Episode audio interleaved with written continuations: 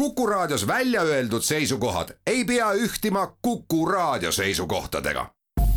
Te kuulate Kuku Raadiot.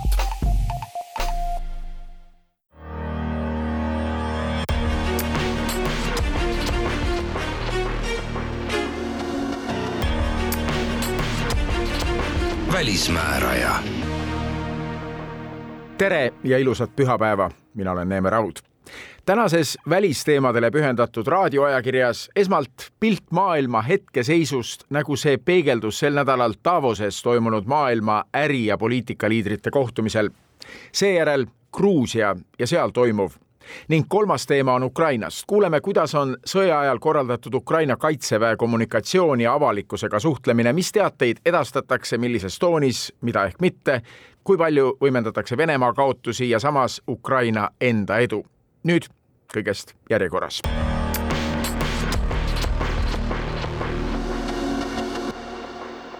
jaanuaris Šveitsi mägikuurortis Davoses toimuv maailma majandusfoorum on juba aastakümneid andnud alanud aastale omamoodi leitmotiivi.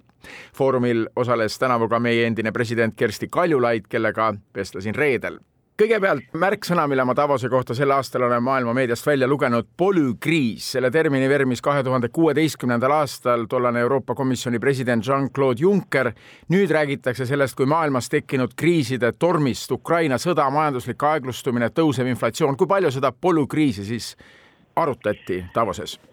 Kahtlemata väga palju arutati, et ei ole mingi saladus, et äh, musti luiki lehvib meie peade kohal rohkem, kui, äh, kui me harjunud oleme viimastel aastakümnetel ja ei ole ka saladus see, et nii poliitilised kui majanduslikud otsustajad tegelikult ei ole ju harjunud sellise kehva nähtavusega, nagu, äh, nagu praegu meil, meil ees on et see kindlasti niimoodi on.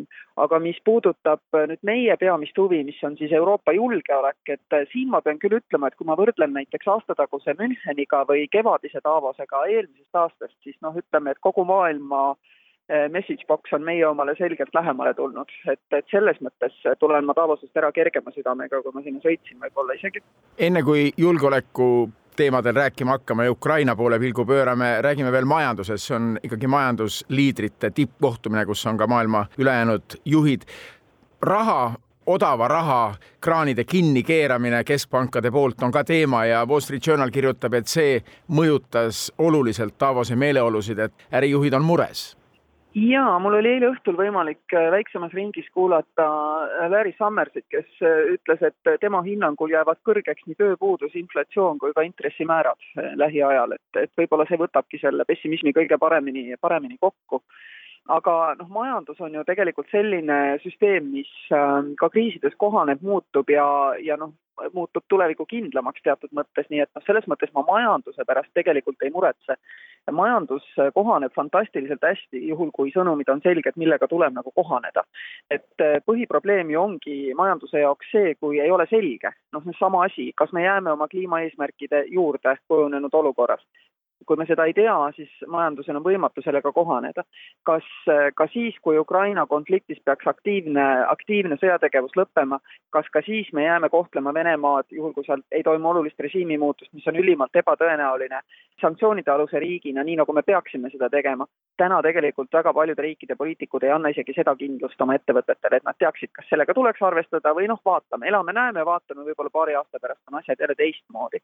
et noh, neid riigijuhte, kes nagu Sauli Niinistö, ole, ütlevad, et, et nende hinnangul selgelt ei ole sellise Venemaaga enam võimalik ajada asja nii, nagu me olime varem harjunud, no neid ei ole tegelikult liiga palju. et minu meelest siin see tuli ka selgelt välja, et tegelikult majandus, majandustegelased on mõnevõrra kärsitud selles osas, et andke meile seda selgust, mida te saate meile anda sel-, noh, mida te saate meile anda. et, et noh, on selge, et me ei suuda ennustada, mida mõtleb Putin, aga me saame ju anda selgeid sõnumeid, mis on meie enda plaanid, et noh, seegi nagu aitaks, eks ju räägime pisut veel Venemaast, kuidas siis nähakse ette Venemaad tulevikumaailmas? Venemaa teema kindlasti käib ju igalt poolt läbi. jaa, aga selle, selle teema alustab ja lõpetab alati suur nõutus, sest et äh, sa saad ratsionaalselt analüüsida, prognoosida noh, kellegi samme, kelle põhjal, kelle puhul sul on nagu põhjust arvata, et see, mis nad teevad, on ratsionaalne eks ju, aga, aga kuna see, mida Venemaa on korda saatnud aastal kaks tuhat kakskümmend kaks, ei ole ju ratsionaalne, see ei ole nende enda huvides ka, siis äh, keegi ei suudagi äh, noh, midagi, midagi väga konkreetset ennustada. et siin sellepärast ongi noh, öeldud asju nagu Boris Johnson ütles, et, et las nemad olla seal ja teevad seda, mis nad siis teevad, aga meie teeme seda, mis on õige, et noh, ma arvan, et nii tulebki, tulebki läheneda. ja siis Ukraina, kui tugev on see rinne, läänemaailm ja progressiivne maailm, et me peame olema kindlalt Ukraina selja taga.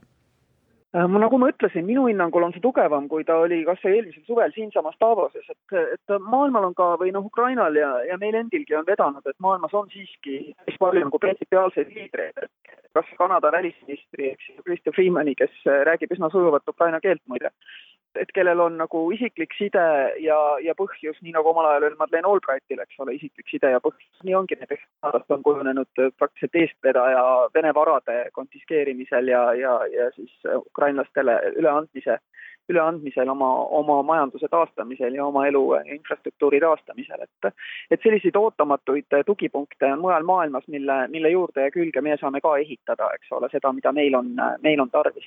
no ma selles mõttes olen jah, nagu päris rahul, et, et jah, et siin kindlasti on üks nagu murranguline hetk praegu käes ka sellega, et et noh, kui ukrainlased ise ütlevad, et, et kõik see abi, mis nad on saanud, on ikkagi reaktiivne, et noh, selmet, et anda enne abi, kui, kui venelased meie energiataristu on puruks pommitanud, eks ole, et oleks võinud need patrioodid eelmine suvi anda, oleks praegu võib-olla taristu terve, on ju. et siis nüüd me anname, kui venelased on juba seda teinud, et see tankide asi on võib-olla nagu selline esimene murdepunkt selles osas, et, et hakatakse muutuma proaktiivseks, et püütakse anda Ukrainale võimekusi, mis võiksid viia kiiremini selle sõja lõpu poole majandusringkonnad vaatavad mõistagi ettepoole, kui palju räägitakse juba nüüd võimalikest võimalustest Ukraina sõja järel, Ukraina ülesehitamisest?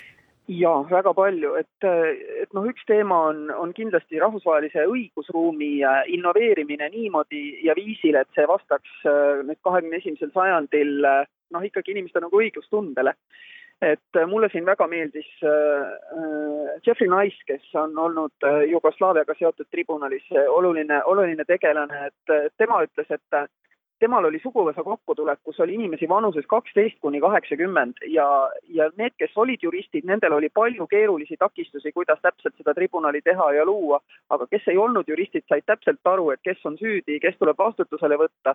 Ja et tema hinnangul ja minu meelest oli see nagu päris hea, et noh, seda ütles, eks ju, kohtunik, ütles, et ega siis ei saa nii olla, et see, mis on silmaga nähtav, et see on õiguslikult teostamatu, et noh, see on hästi oluline.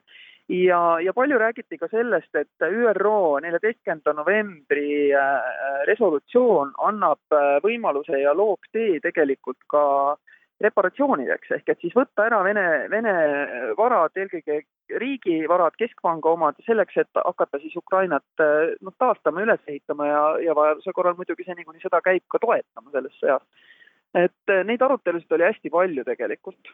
aga, aga kuskil on ka see elevant, et loomulikult Ukraina peab saama abi, aga loomulikult peab ta suutma üles ehitada niisugused institutsioonid, mis teeksid Ukrainast edaspidi õigusriigi ja majandusruumi, kuhu kõik võivad julgelt investeerida ja ei pea kartma, et nende varade väärtus sõltub sellest, kui lähedal või kaugel nad on poliitilisest äh, juhtimisest selles riigis ja Eesti, kui palju Eestist räägiti kas või kuluaarivestlustes aasta tagasi, kui sõda algas muutusime korraga paljude investorite, suurinvestorite, Ameerika investorite jaoks liiga lähedal sõjale olevaks riigiks. mida nüüd kuluaarides räägitakse, kas on ei, ikka mingi kartus? jaa, muidugi, ega sellest ei saa üle ega ümber ja see on kindlasti üks asi, mida Venemaa agressioon on meie regiooni suhtes tervikuna saavutanud, et et Äh, loomulikult, et see, see ei juhtunud küll siin, aga minu käest, ma ei tee nalja, on küsitud ka siin, äh, just majandusinimesed on küsinud, et kui niimoodi noh, õhtusöögilauas, et kas teil on ka Tallinnas sagedasti nagu õhuhäireid praegusel ajal, on ju, et noh, niisuguse küsimuse, kui sa oled ükskord kuulnud, siis sa saad aru, et noh, checklist'ides sa oled vales kohas, et ikkagi meil on praegu kõige lihtsam teha majanduskoostööd nende riikidega, kes, kellel on meie, meiega sarnane arusaam nii riskidest kui ka võimalustest meie piirkonnas, ehk et noh, piltlikult öeldes, kui sa usud, et Helsingi ja Stockholm on turvalised kohad või Oslo, et siis sa ilmselt usud, et ka Tallinn võiks seda olla, eks ole, et, et noh, ma arvan, et, et selles praeguses majanduslikus olukorras võiks tiheneda, taas tiheneda meie koostöö Põhjala ettevõtetega ja, ja Põhjala rahaga võrreldes võib-olla Ameerika ja, ja, ja kaugema nurga rahvaga, et kaugema nurga rahvas loomulikult äh, hindab neid riske täna täpselt nii, nagu ta hindas neid sõja alguses, et siin ei ole paranemist kahjuks äh, ei ole väga nagu näha olnud aga mis kitsalt Eestit puutub, siis eh, noh, ikkagi Eesti, eh, Eesti on eh, tegija eurooplaste jaoks ja kindlasti eriti tegija ukrainlaste jaoks, et piinlik on kuulata seda ette ja taha tänamist, et küll ikka Eesti noh, teeb palju, et siis tahakski nagu öelda, et kuulge, et see on meil ka enesekaitseinstinkt, et me seda kõike teeme, eks ole, et noh, tore on kuulata, aga aga me ju teeme seda ka iseenda tuleviku pärast, mitte ainult Ukraina, Ukraina tuleviku pärast. president Kersti Kaljulaid, aitäh selle hea ülevaate eest Davosest ja head tagasireisi! aitäh ja kõike paremat äh, Eestissegi! kui välismääraja jätkub, on meie fookuses Gruusia ja seal hetkel toimuv.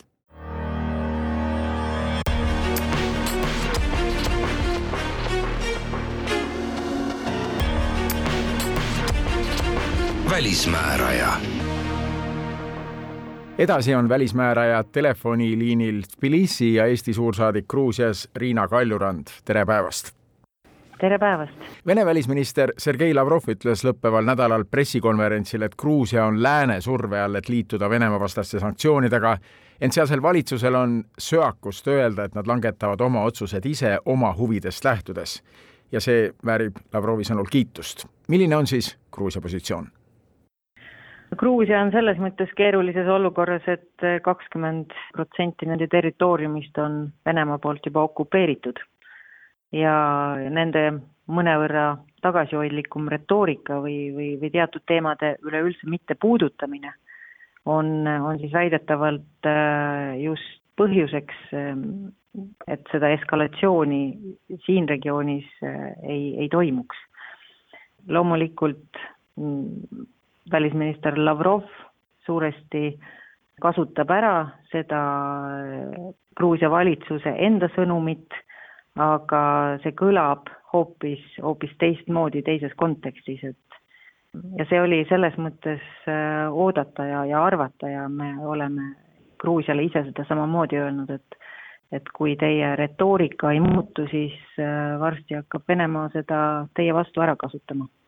Milline on siis Gruusia retoorika, kui lääne ajakirjandust vaadata ja püüda leida artikleid, mis on seotud Gruusiaga, siis pealkirjad, mida ma leidsin, on äh, Broken Dream, siis äh, purunenud unistus, suhted läänega on äh, pidevalt halvenemas viimase pooleteise aasta jooksul, mis siis Gruusias toimub? sõja alguses oli Gruusia väga ettevaatlik igasuguste avaldustega. Peaminister ütles koguni välja, et see sõda ei ole nende sõda, see toimub kusagil mujal ja ei ole mõtet sellist sõjahüsteeriat Gruusias üleüldse nagu õhutada. Mida aeg edasi ja mida rohkem Ukraina nii-öelda sõjavägi näitas edusamme lahinguväljal, seda enam äh, selliseks Ukrainat mõistvamaks muutus ka retoorika ja seda enam selliseks, ütleme, meie mõistes poliitiliselt korrektseks. Muutus retoorika, et, et siiski tuldi poliitilistes avaldustes Ukraina taha. Gruusia on äh, nii-öelda poliitilisel ja rahvusvahelisel tasandil ühinenud igasuguste resolutsioonidega ja teinud avaldusi Ukraina toetuseks, aga see olukord siin äh, riigis äh, siseselt on loomulikult võib-olla veidi vastuoluline, et, et siin on rahvas ja opositsiooniparteid, kes räägivad justkui üht juttu ja siis on valitsus, kes retoorikas räägib teistsugust juttu nii-öelda rahvas on üldiselt kõik ähm, vägagi Ukrainat toetav, alates pealinnast kuni väikeste küladeni välja. Nad mäletavad väga hästi seda, mis toimus Gruusias kaks tuhat kaheksa. Äh, Ukraina sõda nii-öelda kiskus need vanad haavad lahti, mälestused ja väga paljud Gruusia inimesed on ju seetõttu kannatanud. ja nende jaoks ei ole küsimust, kas toetada Ukrainat või mitte nüüd mõlemad, nii opositsioonierakonnad kui siis äh, valitsuses äh, olev äh, Gruusia Unistus kasutavad seda erineval moel ära, seda õnnetut olukorda. Opositsioon loomulikult samastab ennast rahvaga, ütleb, et, et valitsus on venemeelsed, nad on reeturid, sest nad ei toeta piisavalt palju Ukrainat, samas kasutab valitsus sedasama rahva toetust ära opositsiooni vastu, nimetab äh, opositsiooniparteisid äh, reeturiteks, rahvast sõtta kiskujateks ja on nimetanud ka, ka rahvast, kes näiteks tuleb Ukraina toetuseks tänavatele, et te muudate olukorra veelgi plahvatusohtlikumaks, te provotseerite Venemaad, mille tulemusel võib Venemaa kohe-kohe rünnata Gruusiat. põhimõtteliselt see selline retooriline vastasseis on viinud selleni, kui praegu noh, praegu on hakanud loomulikult ka juba see valimiste-eelne võitlus, järgmised parlamendivalimised Gruusias toimuvad kahe tuhande kahekümne neljanda aasta sügisel ja praeguseks äh, on siis valitsus kasutamas seda retoorikat, et tänu nendele on Gruusia praegu turvaline, Gruusiale otsest ohtu ei ole, kuna valitsus on ajanud väga tarka poliitikat.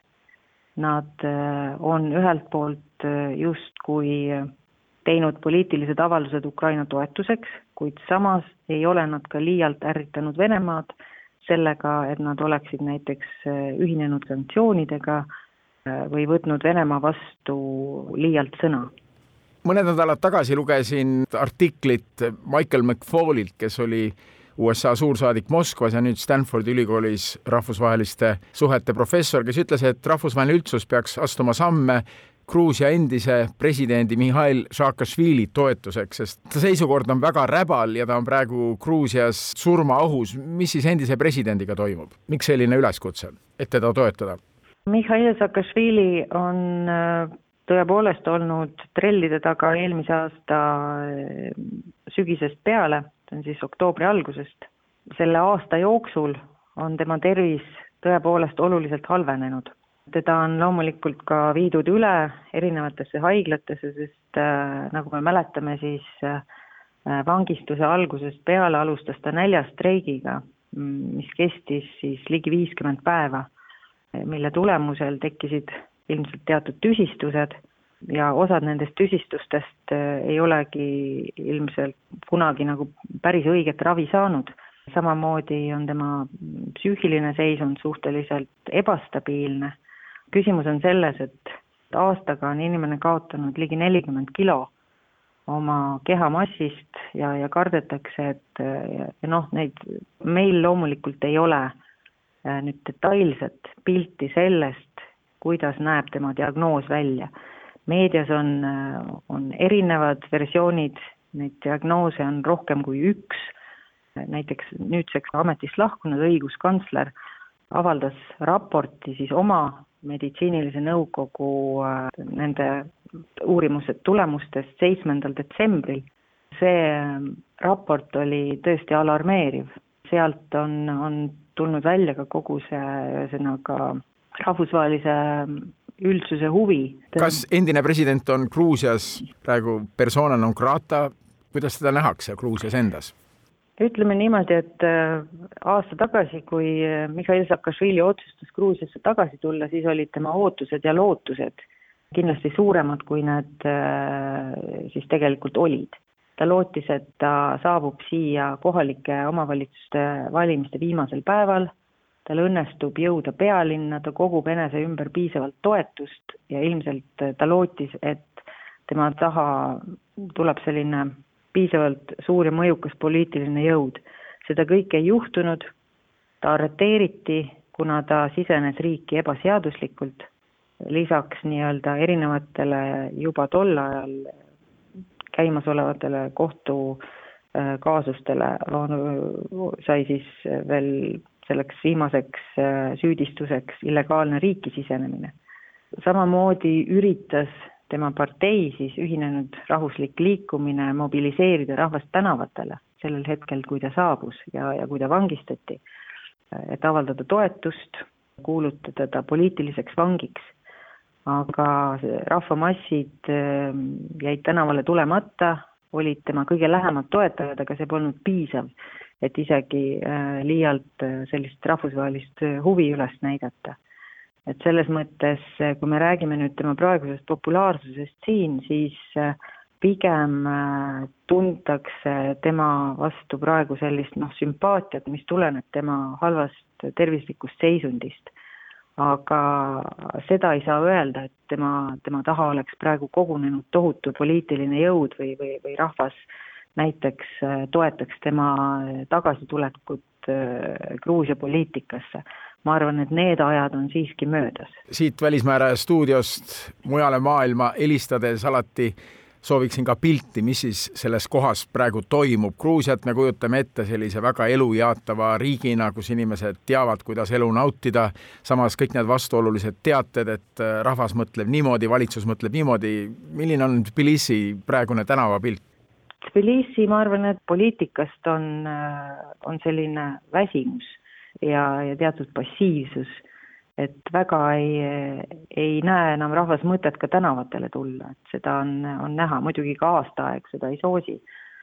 muidugi tavaline tänavapilt on see, et Tbilisi kesklinn on täis Venemaalt eh, saabunud nii-öelda põgenikke, on nad siis elustiili põgenikud või on nad eh, dissidendid või on nad inimõiguste aktivistid, kes on olnud sunnitud liikuma ja ka kindlasti need osaliselt, kes mobilisatsiooni eest põgenevad, nii et neid on näha igal sammul. kuidas neisse suhtutakse?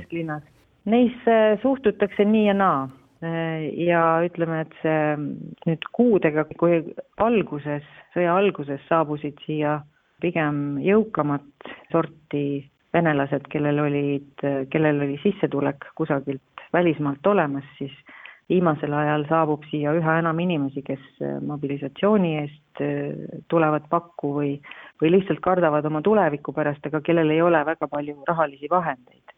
et üldiselt nende, nende rohkus ja noh, mida enam nad siin enesekindlamalt kanda kinnitavad, seda enam äh, paraku kasvab see venevastane sentiment siin, et, et on näha ka väga palju protestimeelseid grusiine ütleme, et Tbilisi kesklinn on siiski äh, väga äh, sinikollane oma värvidelt. ma arvan, et, et nad ei tunne siin ennast liiga mugavalt, aga samas nad näevad, et äh, neil on siin siiski parem olla kui Venemaal. Eesti suursaadik Gruusias Riina Kaljurand, aitäh selle sissevaate eest Gruusia ellu praegu, aitäh!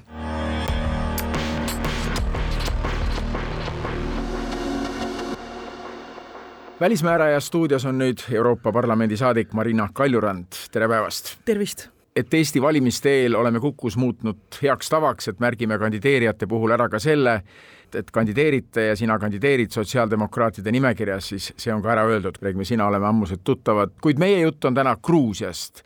Euroopa Parlamendis on Gruusia üks sinu teema jah, nii see on, ma olen Euroopa Parlamendi Lõuna-Kaukaasia delegatsiooni juht, mis tähendab suhteid Gruusia, Armeenia, Aserbaidžaaniga. vaatame kõigepealt Gruusiat.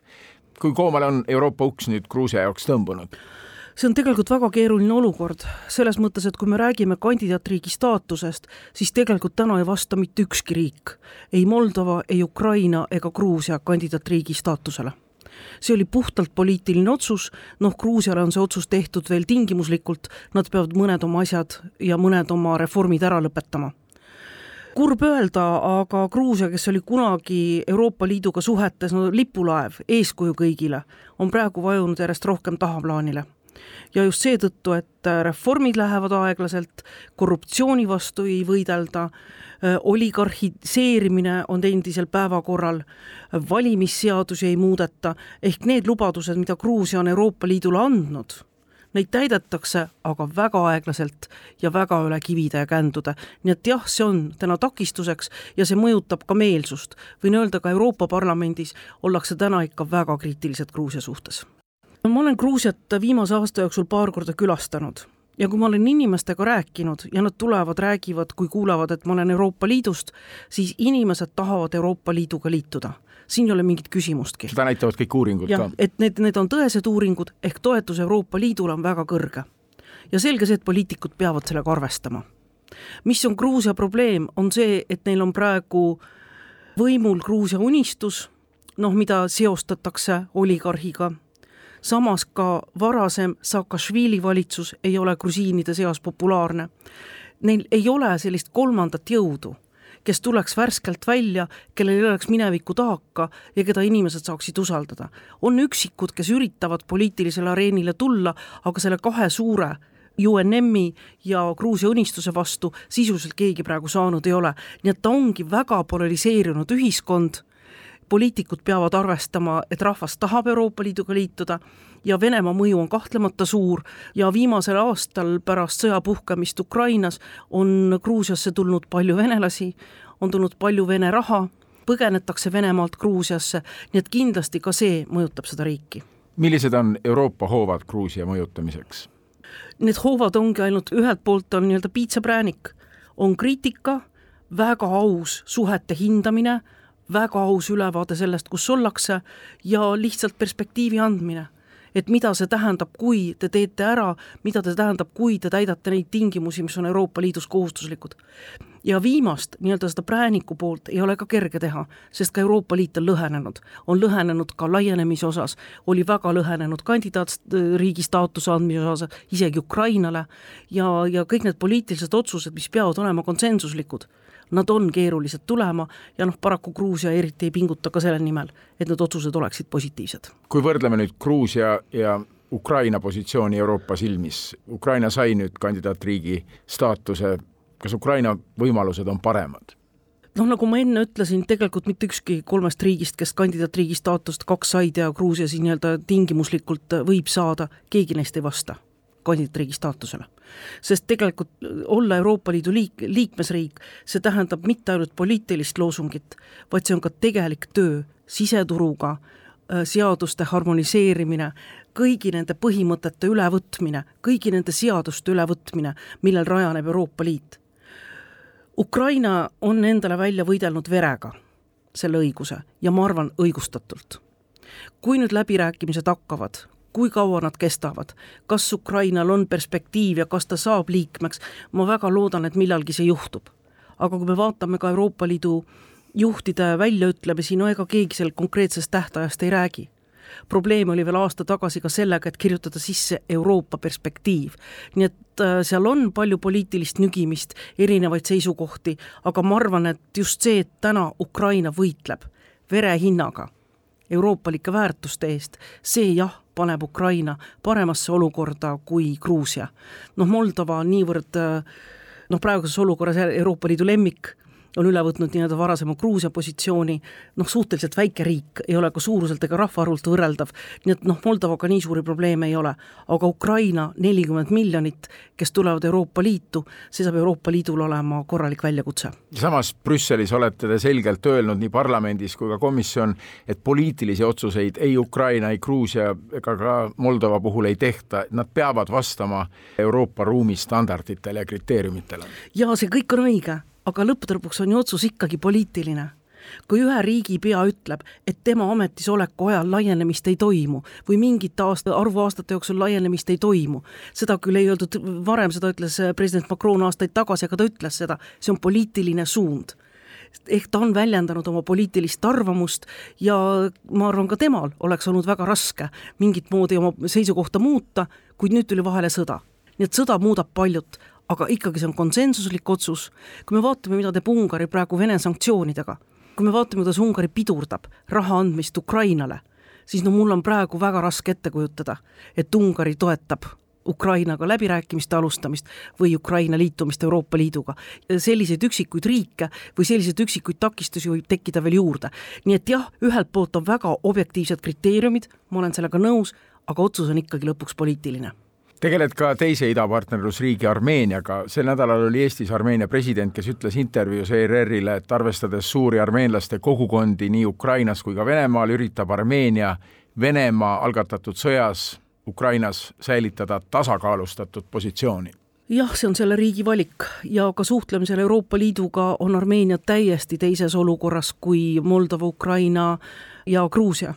kas või sellepärast, et ta on tolliliidus Venemaa ja Valgevenega sellepärast et ta on Kaitseliidus Venemaaga, ehk sellega on tegelikult Armeenia ennast ära määratlenud, kus ta täna on. aga see paneb väga suured piirid koostööle Euroopa Liiduga, noh näiteks meil ei saa olla vabakaubanduslepingut meil ei saa olla sellist lepingut, nagu meil on teiste idapartnerlusriikidega. nii et Armeenial on see valik, millist teed nad lähevad, kellega nad teevad suuremat koostööd, keda nad usaldavad, millisena nad tahavad näha oma tulevikku. Armeenia puhul ma julgen väita, see on keerulisem kui Gruusias, sest avalikku arvamust äh, nii üheselt määratleda Armeenias ei saa. kuigi möönan, et käisin ka Jerevanis mõned kuud tagasi, inimestega vesteldes, muidugi neile meeldib Euroopa Liit aga nad ütlevad ka, nad on geograafiliselt sellises asendis ja nad on täna niivõrd sõltuvad Venemaast, et nad ei saa tolliliidust ära minna, nad ei saa Kaitseliidust ära minna, ilma et see ei lööks nende majanduse pihta. Ja praegu Ukraina sõja ajal eriti on näha, kuidas jälle Vene, Vene raha, venelased voolavad Armeeniasse, nii et see on selle riigi otsus mis otsuse ta teeb, millise tee ta valib ja milline saab olema tema tulevik. Euroopa Liit on valmis tegema kõigiga koostööd, nii palju, kui nemad on seda valmis tegema, aga üle piiri me minna ei saa. ja siis Mägi-Karabahhi, kus konflikt ikka ja jälle lahvatab jah, noh, sõjategevus, ütleme, teine Karabahhi sõda lõppes äh, üheksandal novembril kaks tuhat kakskümmend, nii et noh, paar aastat on nüüd olnud rahulikum, aga jah, kogu aeg on olnud mingisuguseid intsidente, mingisuguseid eskalatsioone ja praegu on Mägi-Karabahhias sada kakskümmend tuhat armeenlast humanitaarkriisis juba kus Lashini koridor, ainuke tee, mis ühendab Armeeniat äh, äh, Mähi-Karabahhiaga, on blokeeritud nii-öelda Aserbaidžaani keskkonnakaitsjate poolt, noh, mida on raske uskuda, seal on kindlasti mängus ka Aserbaidžaani võimud, Aserbaidžaani valitsus ja see peab olema nende toetus ja finantseerimine, nii et see olukord on keeruline. Ja kui ma vaatan mõlemat poolt, Armeeniat, Aserbaidžaani, mida nad räägivad kõrgemal tasemel, kas siis president Alijevi või peaminister Pašinjani suu läbi, ollakse ikka teineteisest väga kaugel.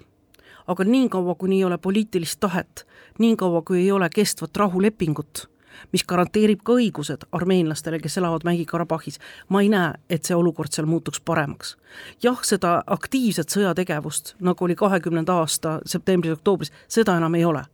aga intsidendid jätkuvad, Vene rahuvalvajad on läbi kukkunud, on kolinal läbi kukkunud, ehk lootused, mida neile panid Armeenia, Aserbaidžaan, ei ole ennast õigustanud. samas ei ole Aserbaidžaan nõus vastu võtma ka Euroopa Liidu vaatlusmissiooni, samasugust nagu näiteks on Gruusias no arutasime seda Euroopa Parlamendis eh, just sellel nädalal ja noh, meie ettepanek on, et Aserbaidžaan peab lõpetama blokaadi Aserbaidžaan peab lubama Mägi-Karabahhias rahvusvahelisi vaatlejaid, kes ka näeksid, milline on tegelik olukord ja saaks anda humanitaarabi ja Vene jutumärkides rahuvalvajad tuleb välja vahetada rahvusvahelise missiooni vastu. Nad ei valva seal rahu. Vene riik ei taha seal rahu. Vene riik tahab sealt samasugust segadust, samasugust jama, nagu ta tahab ka teistes regioonides. Aserbaidžaan, kolmas riik Kaukaasias, ka idapartnerlusriik. millised on Euroopa suhted Aserbaidžaaniga? Mõned kuud tagasi käis Bakuus komisjoni president Ursula von der Leyen, kes rääkis, kuidas Aserbaidžaani puhul on tegemist meie usaldusväärse strateegilise energeetikapartneriga. kui vaadata inimõiguste olukorda, kui vaadata väljaütlemisi, kui vaadata seda, kuidas Aserbaidžaan ei ole praegu valmis rahu, rahuläbirääkimisi pidama ja rahulepingut sõlmima, tuleb tunnistada, et Euroopa Liidu kõrge hinnang Aserbaidžaanile on ilmselt ka üks faktoritest miks Aserbaidžaan käitub praegu ülbelt, ärritavalt ja rikkudes varasemaid kokkuleppeid. tal on kütust, mida pakkuda? jah, ta on meie energeetikapartner ja see on nüüd küsimus väga suures osas ka Euroopa Liidule. et kuidas me oma partnereid valime, kuidas me neid hindame ja kas nüüd energeetika peab olema see, mille puhul me pigistame silma inimõiguste ja teiste arengute osas sest Aserbaidžaan kasutab praegu väga osavalt ära olukorda, et Venemaa tähelepanu on mujal, Vene rahuvalvajad on läbi kukkunud, Euroopa Liit vajab Aserbaidžaani, jah, võib-olla mitte kõige olulisema energeetikapartnerina, aga mingil määral vajab Aserbaidžaani, Euroopa Liit on lubanud sinna meeletuid investeeringuid, Euroopa Liit on lubanud suurendada kaubavahetust, nii et selles olukorras arvab Aserbaidžaan, et neil ongi õigus teises kohas inimõiguste, demokraatia valdkonnas teha vähem või silm kinni pigistada selline sissevaade siis Kaukaasiasse, täna stuudios oli Euroopa Parlamendi saadik Marina Kaljurand, aitäh! aitäh kutsumast! ja kui välismääraja jätkub, on teemaks Ukraina kaitsejõudude kommunikatsioon.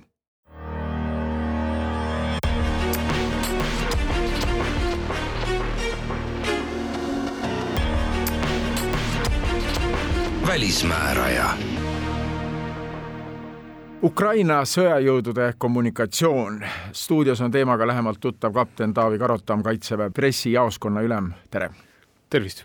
sõja ajal on oma sõnumi edastamine vajalikum kui teistes olukordades ja see oma sõnum on Ukraina kaitsejõududel olnud pidevalt rõhutatult ikkagi positiivses toonis, teisisõnu, me siin loeme uudiseid, et Ukraina väed on edukad, kas see tegelikult on osa nende sõjakommunikatsioonist ja võib-olla mitte täielik pilt? eks Ukraina relvajõud äh, peavad niikuinii suhtlema avalikkusega, äh, nad peavad näitama omaenda tegevusi ja, ja nad peavad olema sellega ausad. seega see pilt, mis täna sealt tuleb, see ei saa mitte kuskilt otsast olla valelik. kui me vaatame seda, mida teevad äh, venelased Ukraina vastaspoolel, neil on tegevusvabadust nii palju valetamiseks, kuna neid sageli väga ei usuta, ei usuta. küll aga Ukraina ei saa riskida sellega, et nad valetavad või lasevad kogemata valeinfo välja ja sellega kaotavad usaldu-, usalduse, sest et usaldus on see, mis tagab Ukraina relvajõududele täna lisarahastuse, lisatoe, võtame kas või relvad, Haimarsid ja muud asjad, ja, ja üleüldise maailma toe ja kaastunde. aga ikkagi sõnumi toon peab olema positiivne? sõnumi toon peaks olema realistlik, sellepärast et pelgalt positiivse sõnumi pealt kaugele ei purjeta aga sõnumi toon ei saa olla ka puhtalt negatiivne, sellepärast et äh, ainult negatiivsetest asjadest rääkides äh, võib see hakata mõjutama Ukraina elanike ja Ukraina võitlejate kaitsetahet. vastaste kaotuste näitamine on ka osa kommunikatsioonistrateegiast?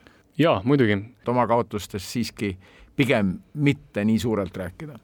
kui äh, Vene Föderatsioon on pidevalt üritanud presenteerida enda relvajõudusid kui maailma teist armeed siis see tahes-tahtmata mõjutab võitlejate motivatsiooni ja võitlema, võitlejate usku sellesse, kui tugev on nende vastane või kui raske või kerge on vastast äh, hävitada. nüüd aga, kui näidata seda, kui efektiivselt ukrainlased on vastast hävitanud, siis see saadab nende enda võitlejatele juba tugeva sõnumi, et vastas ei ole keegi hävitamatu, vaid vastas on täiesti surelikud inimesed ja täiesti lõhutav tehnika. ehk siis see on äh, Ukraina relvajõudude liikmetele isegi juba väga oluline mis puutub sellesse, et enda kahju, kaotuste numbri mitte näitamine, siis äh, see on äh, sõjapidamises elementaarne, et sa ei, ei näita seda, kust sul mingi äh, kaitseliin näiteks jääb nõrgemaks.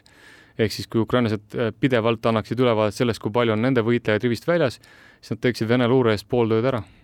ikkagi on selle kõige taga mitte lihtsalt uudiste vahendamine, vaid kommunikatsioonistrateegia ma ütleks isegi laiemalt, et mitte ainult kommunikatsioonistrateegia, mis kindlasti on selle osa, vaid et üleüldse info kui üks sõjapidamise vahenditest. sellepärast, et äh, info on samasugune sõjavahend, nagu on äh, kineetiline relv või manööver või luuretegevus või juhtimine, et info on üks osa sõjast ja ukrainlased täna kasutavad infot ühe sõjapidamise vahendina väga edukalt. Eestis on räägitud sellest, et me oleme ukrainlasi aidanud väljaõppega selles infosõjas, samas õpime ise ukrainlastelt. jaa, Eesti ja Ukraina riigina on ju, ju aastaid koostööd teinud, Eesti Kaitsevägi ja Ukraina relvajõud on aastaid koostööd teinud erinevates valdkondades, sealhulgas ka siis äh, kommunikatsiooni valdkonnas. ja ukrainlased on meilt äh, päris palju õppinud selle kohta, kuidas me mingeid asju teeme. nüüd aga eriti viimase aasta jooksul, kui on täiemahuline invasioon toimunud, saame ka meie ukrainlaste pealt väga palju õppida, sest et me näeme täpselt seda, mida vastane Ukraina vastu teeb, me näeme seda, kuidas Ukraina mingeid asju ise teeb ja me saame teha sealt enda järeldused, et mis võiks Eestis töötada, mis mitte. enne täiemahulist invasiooni sõda tegelikult käis, eks, et sõda oli käinud toona juba kaheksa aastat, täna on üheksa aastat varsti-varsti täis.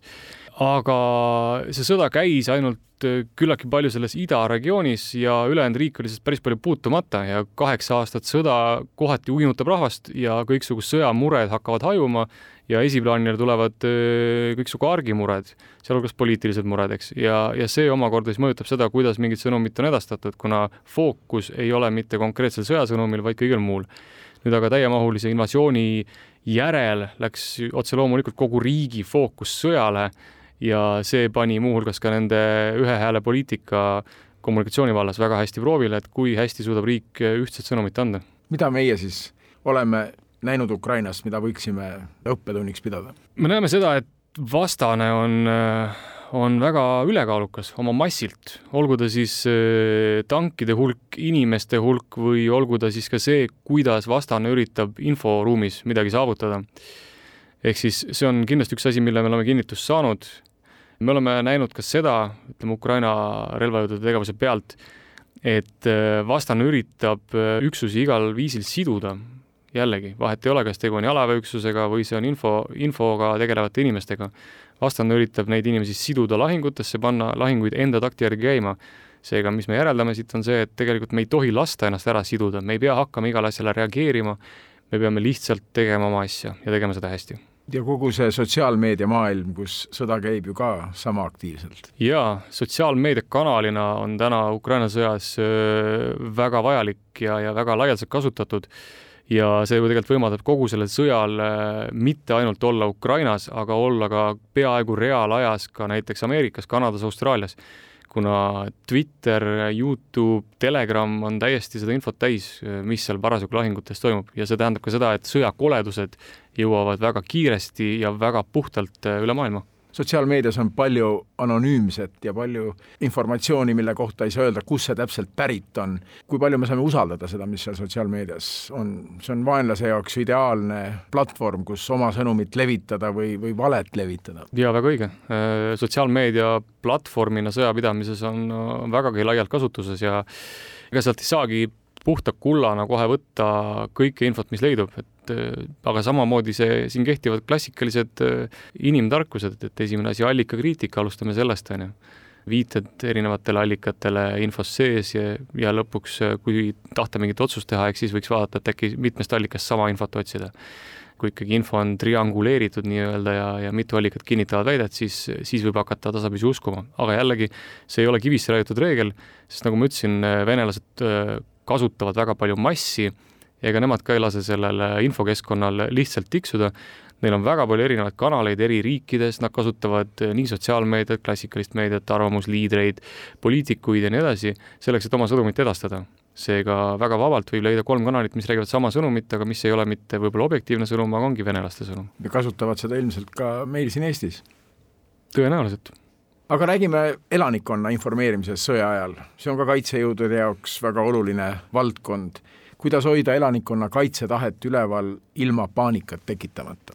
jaa, Ukrainast oli näha, kuidas president Zelenskõi täiemahulise invasiooni eel üritas hullumoodi hoida elanikkonda rahulikuna ja samamoodi ka välisinvestoreid rahulikuna, et ei tekiks paanikat, et inimesed ei hakkaks ära jooksma ja et välisettevõtted ei hakkaks oma, oma inimesi, oma raha, oma oma, oma tehnikat ja äriselt ära viima. rääkides kaitsetahtest, eks, kohati on vaja näidata, võtame näiteks näitena sõjakuritegusid, seda, mis äh, on kusagil tehtud, selleks et äh, kõik riigi elanikud saaksid aru, et äh, et see sõda on jube, isegi kui see sõda otseselt nende tagahoovis ei käi. või siis inimestele kohati tuleb kinnitada seda, et elu läheb edasi, tulevik on olemas. sest inimestel on vaja sihti, kui inimestel sihti ei ole, eks see hakkab ka natuke kaitsetahet murendama no kuidas seda sõnumit edastada siis nii, et, et paanikat ei tekiks? see on väga delikaatne joon, eks, et ei saa olla ainult negatiivne, ei saa olla ainult üdini positiivne, et eks tuleb leida see kuldne kesktee ja siiani ma usun, et tuleks jääda, tuleks jääda ausaks, tuleks jääda tõeseks. info kogumine sõja ajal, infooperatsioonid, neid valdkondi on nii palju, millega tuleb tegeleda, kui suur see kommunikatsioonimeeskond Ukrainas on, kes sõja ajal töötab, kes ei ole otseselt võib-olla rindel relvaga, aga nad on pidevalt iga päev rindel. see meeskond on märgatav, aga ma julgen öelda, et kui läheb sõjaks, siis Eestis on see meie meeskond äh, vägagi võrreldav. aga üks asi on see, kes olid ukrainlastel nii-öelda rahuajal äh, seda tööd tegemas. Alates veebruarist-märtsist eelmisel aastal on äh, Ukraina meeskond kõvasti kasvanud, ehk siis nad on toonud sisse vabatahtlikke, nad on toonud sisse reservväelasi nende süsteem ei ole nii hea nagu meie Eesti süsteem, kuna meie reservväelased on juba rahuajal ilusti välja õpetatud, struktureeritud ja me saame neid palju lihtsamini, kiiremini rakendada. mis on aga oluline jõud Ukrainas, on äh, vabatahtlikud. Ukraina kasutab väga palju info kogumisel, levitamisel äh, vabatahtlike tuge, erinevaid inimgruppe, samamoodi ka lihtsalt indiviide, kes aitavad mingeid asju teha. olgu need kõige lihtsamad asjad, nagu näiteks karikaturistil üks pilt joonistada, et seda ei pea relvajõududes sees seda võimet omama selle võib väga vabalt sisse nii-öelda osta mõne vabatahtliku poolt, kes suudab seda teha ja kes tahab seda teha. siit jäi kõlama nüüd, et Eestis on plaanid hästi tehtud, et kui peaks olukord kriitiliseks muutuma, meie kommunikatsioonisüsteem on paigas ja meeskond? meil on inimesed olemas, struktuurid olemas, varustus olemas, meil on plaanid olemas, me oleme ka kokku tulnud kogu selle meeskonnaga. kui suur see meeskond on siis? mitte kunagi see meeskond ei ole piisav, aga ütleme, et see meeskond on tuntav aga ma ütleks, et äh, mitte kunagi ei saa sõjaks valmis olla.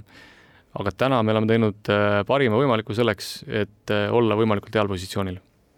ajakirjandust vaadatakse ikkagi üsna sageli võimude poolt kui häirivat elementi, kes tuleb ja urgitseb tundub, et Ukrainas on sõja ajal ajakirjanikud kaitsejõududele pigem liitlased.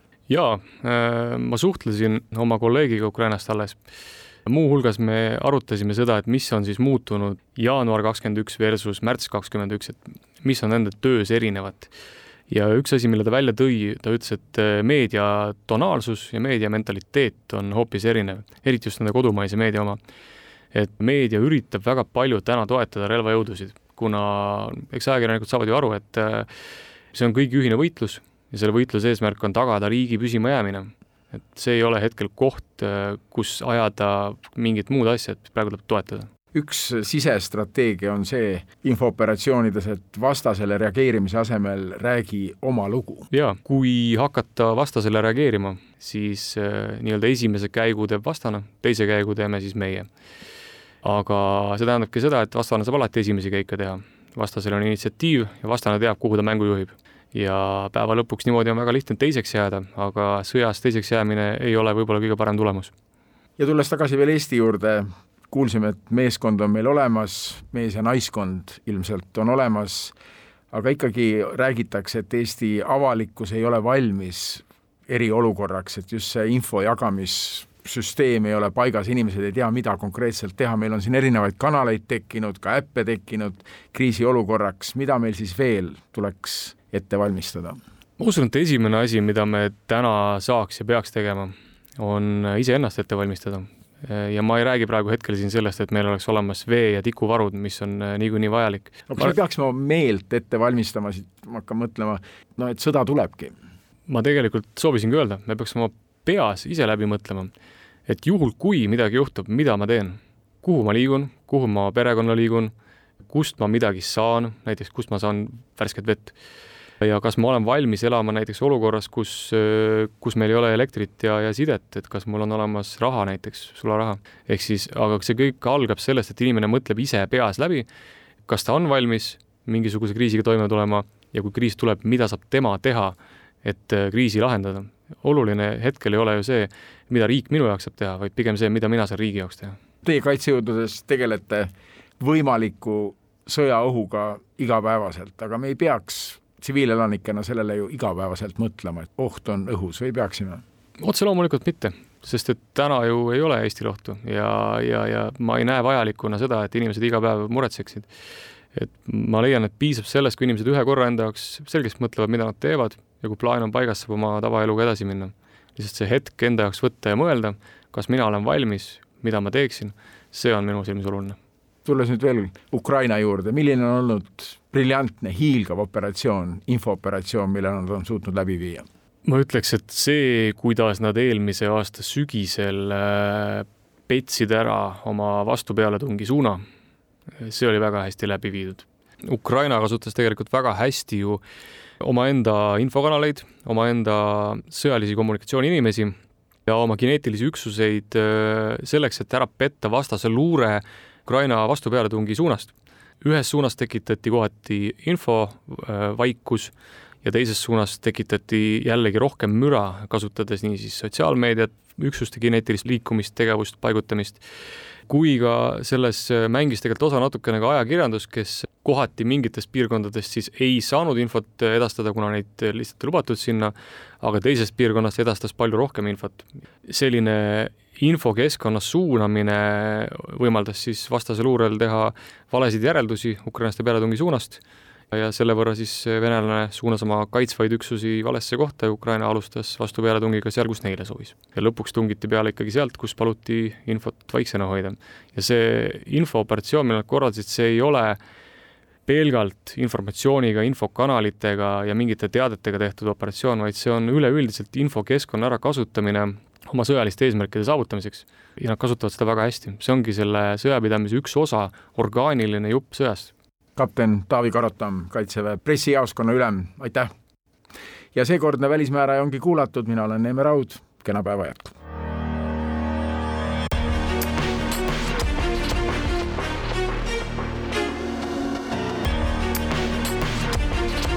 välismääraja